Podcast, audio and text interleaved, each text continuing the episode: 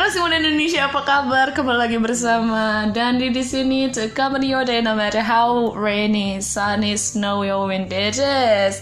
Apa kabar semuanya? Semoga tetap sehat, semoga tetap semangat. Kali ini kita akan membahas tentang climate change in a nutshell. Climate change tentang yang basic-basicnya.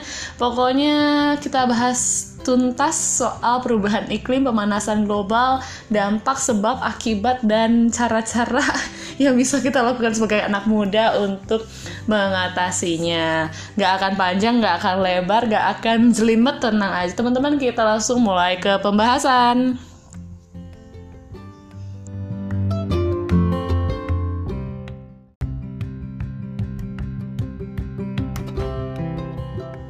Oke, jadi teman-teman, kita kali ini akan bahas pertama itu tentang apa itu perubahan iklim dan pemanasan global. Terus kedua itu sebabnya itu apa aja.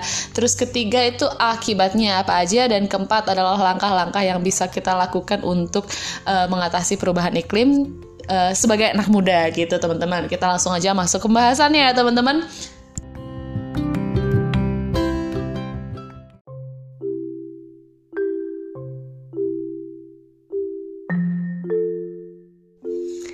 Oke teman-teman, sekarang kita bahas langsung apa itu pemanasan global dan perubahan iklim. Terus bahaya, nggak sih mereka berdua tuh gitu ya. Nah mungkin teman-teman pernah dengar ya di inta, di internet, di Instagram, di mana gitu tentang climate change and global warming. Nah climate change itu adalah perubahan iklim dan global warming adalah pemanasan global.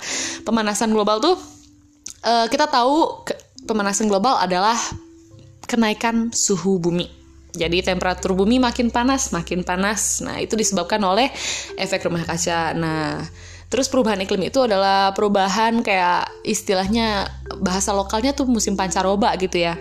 Harusnya udah hujan, belum hujan. Harusnya ber udah berhenti hujan, malah masih hujan terus kayak gitu teman-teman. Nah, terus gampangnya gitu ya.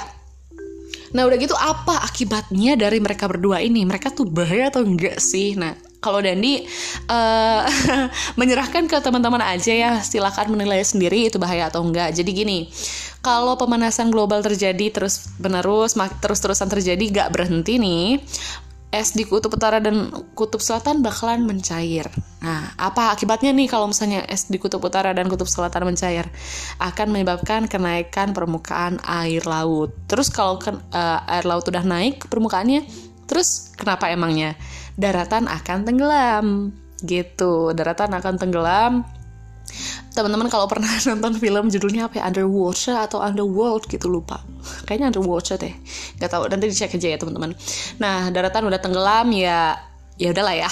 Nggak usah dibahas lagi. Terus yang kedua kalau misalnya SS di kutub utara dan kutub selatan mencair gini teman-teman. Uh, kan zaman dulu banget kan sebelum manusia tuh masih ada zaman zamannya serigala masih masih apa ya menduduki bumi belum ada manusia. Terus kayak banyak banget hewan-hewan yang mati terus ter ter terawetkan gitu loh terawetkan di dalam SS itu gitu loh. Mayat-mayat hewan-hewan yang pun yang zaman dulu mati itu terawetkan di dalam SS itu. Nah, kalau esnya mencair, nah si jasad-jasad hewan itu kan mayat-mayat itu kan mengandung bakteri lah, virus lah yang selama ini masih aman karena ada di dalam es gitu loh. Jadi aman gitu, manusia nggak akan kena karena masih di dalam es. Tapi bayangin kalau misalnya udah mencair nih es di kutub utara, kutub, kutub selatan, mayat-mayat hewannya muncul ke permukaan, bakterinya terlepas ke udara virus-virusnya terlepas ke udara akan menyebabkan gelombang virus baru akan menyebabkan gelombang penyakit-penyakit baru. Kita gak tahu apa yang akan terjadi ke depannya, gitu teman-teman ya. Terus uh, kalau udah begitu ya, pertama itu udah es di kutub utara, kutub selatan dan tempat-tempat beres lainnya akan mencair. Terus yang kedua, uh, ternyata teman-teman laut kita juga menyerap karbon dioksida, gitu kata penelitian teman-teman. Terus kalau misalnya terlalu banyak karbon dioksida yang diserap oleh laut, itu bakalan eh, terjadi suatu reaksi kimia yang menyebabkan air laut itu jadi asam. Nah, kalau air laut udah jadi asam gimana teman-teman? Nah, ikan-ikan itu mau pada gimana gitu loh. Karena ya kita aja bayangin gimana ya? Ya kita bayangin kita jadi ikan deh ya. Air yang kita hirup gitu. Kan ikan nafas pakai air kan? ikan nafas pakai air. Air yang mereka pakai buat nafas itu asem gitu teman-teman gimana mereka mau bertahan hidup gitu loh ya mungkin ada yang bisa bertahan hidup dan tapi kebanyakan pasti ya namanya juga seleksi alam lah ya yang kuat yang bertahan Nah udah gitu bakalan menurunkan posisi populasi ikan. Udah gitu yang kedua itu berpengaruh kepada kehidupan koral-koral laut gitu. Ketika si air laut menjadi asam, koral-koral yang hidup di dalam laut itu bakalan mati karena uh, terjadilah pengapuran koral gitu, pengapuran karang gitu loh. Bayangin aja, soalnya mereka nggak bisa hidup lah, nggak bisa napas gitu loh. Napas yang mereka hirup adalah nafas asam gitu loh istilahnya teman-teman gampangnya ya. Nah sedangkan sebenarnya ironinya teman-teman ya di, di koral-koral itulah makanan-makanan yang dimakan sama ikan itu bisa hidup. Ingat aja filmnya Finding Nemo. Nemo hidupnya di anemon-anemon laut kan. Anemon-anemon laut itu bisa tumbuh di, di mana di atas koral kalau misalnya koralnya pada mati anemon-anemon rumput-rumput laut mau tinggal di mana Nah udah gitu kalau misalnya nggak ada rumput laut, nggak ada anemon laut, ikan-ikan mau makan apa, mau pada hidup di mana gitu loh istilahnya gampangnya kayak gitu. Nggak nggak selebay itu juga sih, tapi ya bisa teman-teman bayangin sendiri ya. Pada akhirnya juga bakalan menurunkan populasi ikan-ikan di laut. Nah itu bahaya yang kedua, yaitu dari pencairan es di kutub-kutub ya. Yang pertama adalah kenaikan air laut, yang kedua adalah pengasaman air laut atau bahasa dalam istilah bahasa Inggrisnya tuh ocean acidification. Nah, udah gitu, udah itu dulu deh. Teman-teman sekarang bisa menilai, monggo dinilai itu bahaya atau enggak. Nah, udah gitu perubahan iklim ya. Sekarang kita bahas perubahan iklim. Perubahan iklim. Nah, bayangin aja. Uh, misalnya di satu tempat di kota A ini petani-petani lagi mau nanam nanam padi nih. Soalnya biasanya dari zaman dulu juga bulan itu uh, pasti musim penghujan. Jadi petani nanam nanam apa namanya? nanam sayuran kah, nanam tanaman lah. Karena tahu itu musim hujan, udah cocok uh, waktunya untuk bercocok tanam. Eh, tapi karena perubahan iklim malah jadi kemarau. Apa yang terjadi teman-teman bisa bayangkan sendiri. Terus kita ingat lagi bahwa terjadi banyak deforestasi, banyak penggundulan hutan. Jadi gak ada, bukan gak ada ya, tapi udah sedikit banget pohon-pohon yang ada untuk menampung air. Jadi ketika kemarau panjang terjadi, kita nggak punya pohon, kita kesulitan air. Terjadilah yang namanya water scarcity, alias kelangkaan air. Ditambah lagi, diperparah dengan kita mengeksploitasi air tanah, teman-teman kita mengeksploitasi air tanah buat apa? Buat minum kita, buat air minum dalam kemasan. Kita buat AMD, AMDK, udah gitu kita pakai buat bercocok tanam, agrikultur. Sayangnya teman-teman yang uh, yang jadi ironi juga kita menghabiskan banyak sekali mengeksploitasi air tanah sebanyak-banyaknya dan uh, sekitar ya 80% dari air tanah yang kita eksploitasi itu dipakai buat mengairi tanaman-tanaman. Tetapi teman-teman di dalam ke implementasinya banyak terjadi yang namanya kebo kebocoran pipa. Enggak, jadi pada akhirnya si airnya terbuang percuma gitu loh karena bocor. Jadi mengairi tanaman-tanamannya tidak efektif, malah buang-buang air gitu teman-teman. Nah, pada akhirnya ini akan menjadi masalah baru yaitu water scarcity alias kelangkaan air dan itu dan ini sekarang sudah terjadi di mana-mana. Teman-teman bisa baca artikelnya di WWF itu sudah terjadi di mana-mana. Nah, uh, kalau misalnya ada kelangkaan air, apa yang akan terjadi teman-teman? Kita tahu ya manusia, bukan cuma manusia aja, manusia, hewan, tumbuhan, semua yang hidup di bumi butuh air, ya kan?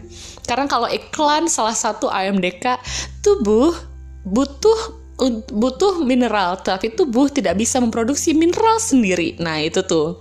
Jadi uh, kalau misalnya kita kekurangan air gak ada air. Kita mau nanam makanan pakai apa? Kita mau nih misalnya sayuran. Kita mau nanam sayuran udah bisa tanam nih. Mau nyiramin pakai apa kalau kekurangan air? Soalnya ya bahkan buat kita minum aja sayang apa dihemat-hemat ya apalagi buat nyiram tanaman gitu kan.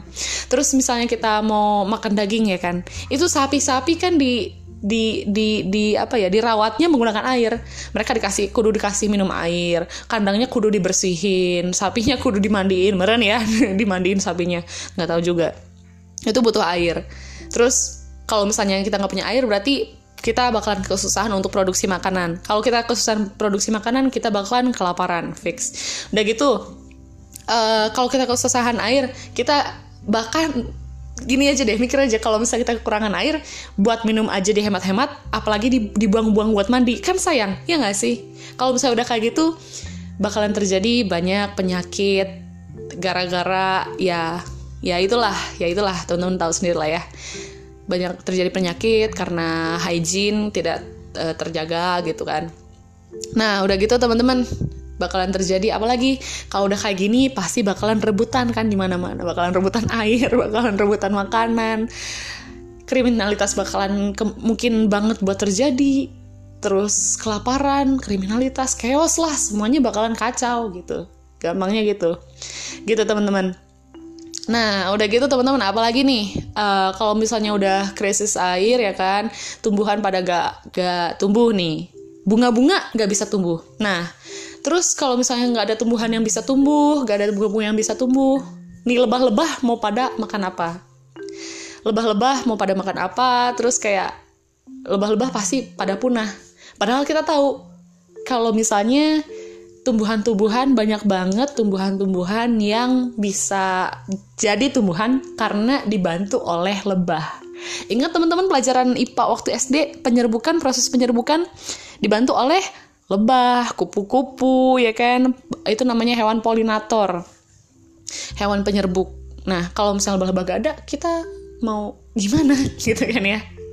Jadi ya inilah gitu loh teman-teman. Teman-teman bisa sekarang bisa nilai sendiri apa perubahan iklim itu uh, bahaya atau enggak. Terus ya udah ya, ini udah selesai kita bahas tentang perubahan iklim, tentang pemanasan global tentang sebab dan akibatnya kayak apa udah lengkap banget di sini dan ini nggak nggak masukin sumber-sumber yang terlalu terlalu kayak scientific karena ini kita nalar aja ya teman-teman. Oke, sekarang kita lanjut ke kesimpulan ya teman-teman. Gila sih ini panjang banget jadinya gara-gara kita cerita banyak banget ya ampun. Makasih udah dengerin lo. Lanjut dulu ya.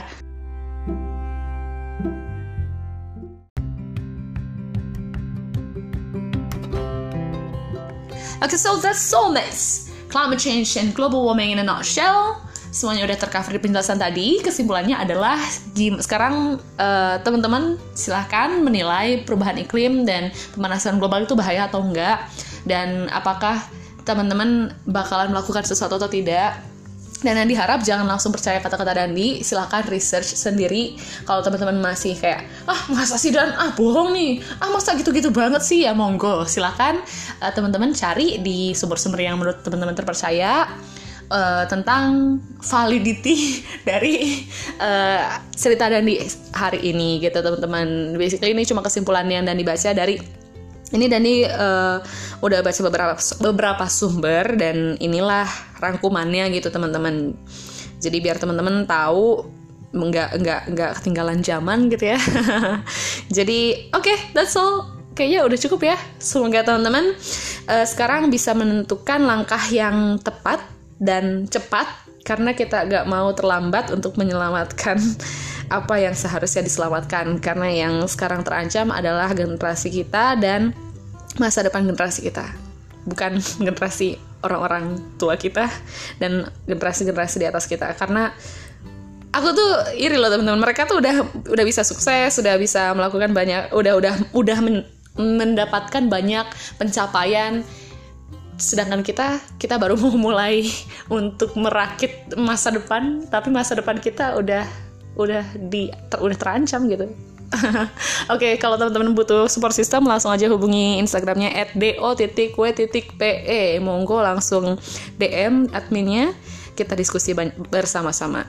Dan nanti tidak bisa kasih solusi apa-apa karena nggak ada solusi yang cocok untuk uh, setiap orang. Setiap orang punya prioritas masing-masing, punya kesibukan masing-masing, dan punya apa ya kebutuhan masing-masing. Jadi nggak bisa disamakan satu dengan lainnya. Silakan teman-teman konsultasi kalau bisa ya butuh konsultasi. Oke, okay, semangat. Pokoknya kita nggak boleh pesimis. Ini semua adalah uh, ya ini semua salah kita dan ini semua tergantung kita mau mem me me memperbaikinya atau tidak. Youngsters, let's unite. See ya at another podcast. Dandy out. Peace.